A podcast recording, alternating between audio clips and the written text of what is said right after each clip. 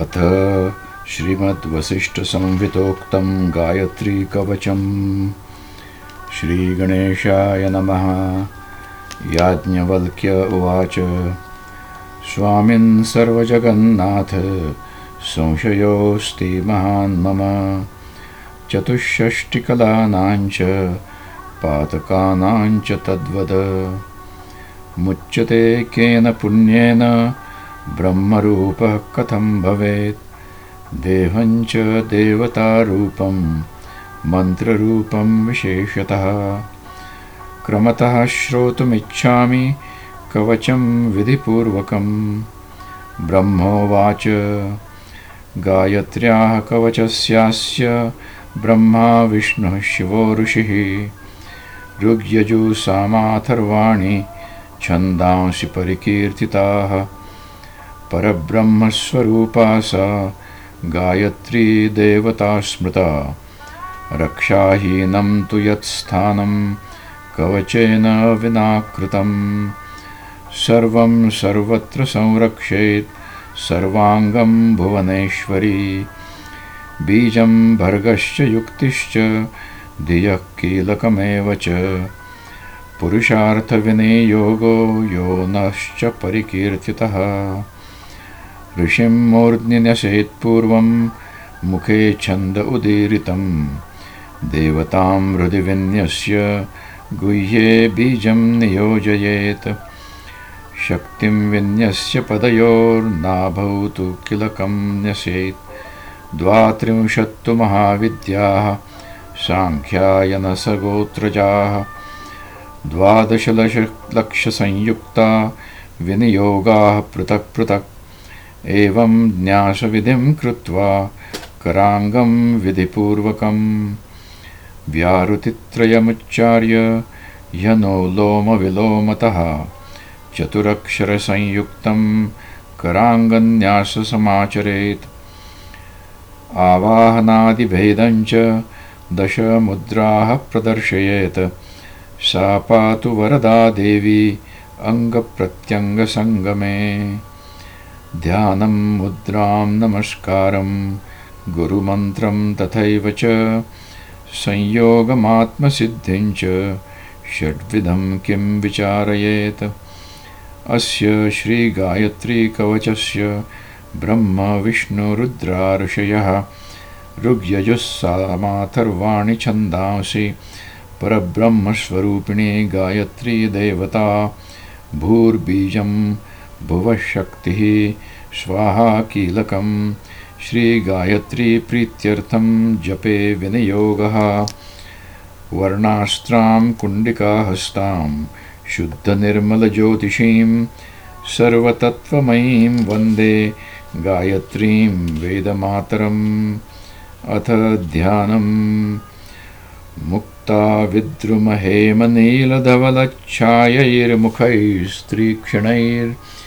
विद्रुमहेमनीलधवलच्छायैर्मुखैस्त्रीक्षणैर्युक्तामिन्दुनिबद्धरत्नमुकुटां तत्त्वार्थवर्णात्मिकाम्। गायत्रीं वरदाभयाङ्कुशकषां शूलं कपालं गुणं शङ्खं चक्रमथारविन्दयुगलं हस्तैर्वहन्तीं भजे। ॐ गायत्री पूर्वतः पातु सावित्री पातु दक्षिणे ब्रह्मविद्या च मे पश्चात्। उत्तरे मां सरस्वती। पावकीं मे दिशं रक्षेत्। पावकोज्ज्वलशालिनी। यातु धानीं दिशं द्रक्षेत् यातु धानगणार्दिनी। पावमानीं दिशं रक्षेत्। पवमानविलासिनी। दिशन् रौद्रीमवतु मे। रुद्राणि रुद्ररूपिणी ऊर्ध्वं ब्रह्माणि मे रक्षेद् अधस्ताद्वैष्णवी तथा एवं दशदिशो रक्षेत् सर्वतो भुवनेश्वरी। ब्रह्मास्त्रस्मरणादेव वाचां सिद्धिप्रजायते। ब्रह्मदण्डश्च मे पातु सर्वशस्त्रास्त्रभक्षकः। ब्रह्मशीर्षस्तथा पातु शत्रूणां वधकारकः सप्तव्याहृतयः पातु सर्वदा बिन्दुसंयुताः। वेदमाता च मां पातु सरहस्या सदैवता स्तेवी सूक्तं सदा पातु सहस्राक्षरदेवता। चतुष्षष्टिकला विद्या दिव्याद्या पातु देवता। बीजशक्तिश्च मे पातु पातु विक्रमदेवता तत्पदं पातु मे पादौ जङ्घे मे सवितुः पदं वरेण्यं कटिदेशं तु नाभिं भर्गस्तस्तैव च। देवस्य मे तु हृदयं धीमहीति गलं तथा। धियो मे पातु जिह्वायां यः पदं पातु लोचने। ललाटे नः पदं पातु मूर्धानं मे प्रचोदयात् तद्वर्णः पातु मूर्धानं सकारः पातु बालकम्। चक्षुषी मे विकारस्तु श्रोत्रं रक्षेत्तु कारकः। नासापुटेर्वकारो मे रेकारस्तु कपोलयोः। निकारस्त्वधरोष्ठे च यकारस्तूर्ध्व ओष्ठके।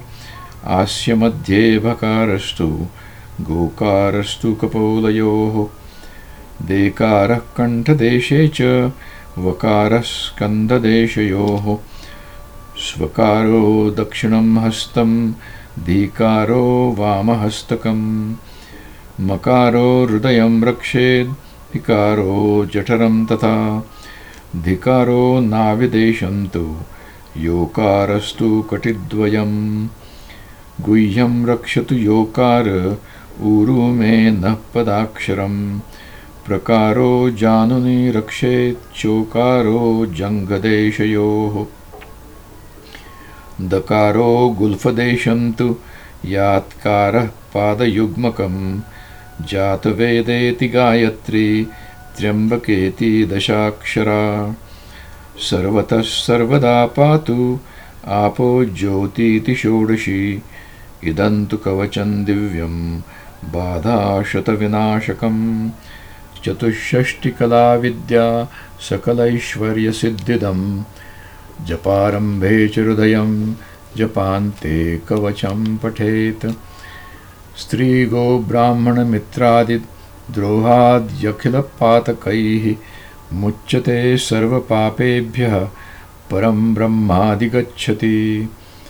पुष्पाञ्जलिं च गायत्र्या मूलेनैव पठेत्सकृत् शतसाहस्रवर्षाणां पूजायाः फलमाप्नुयात्।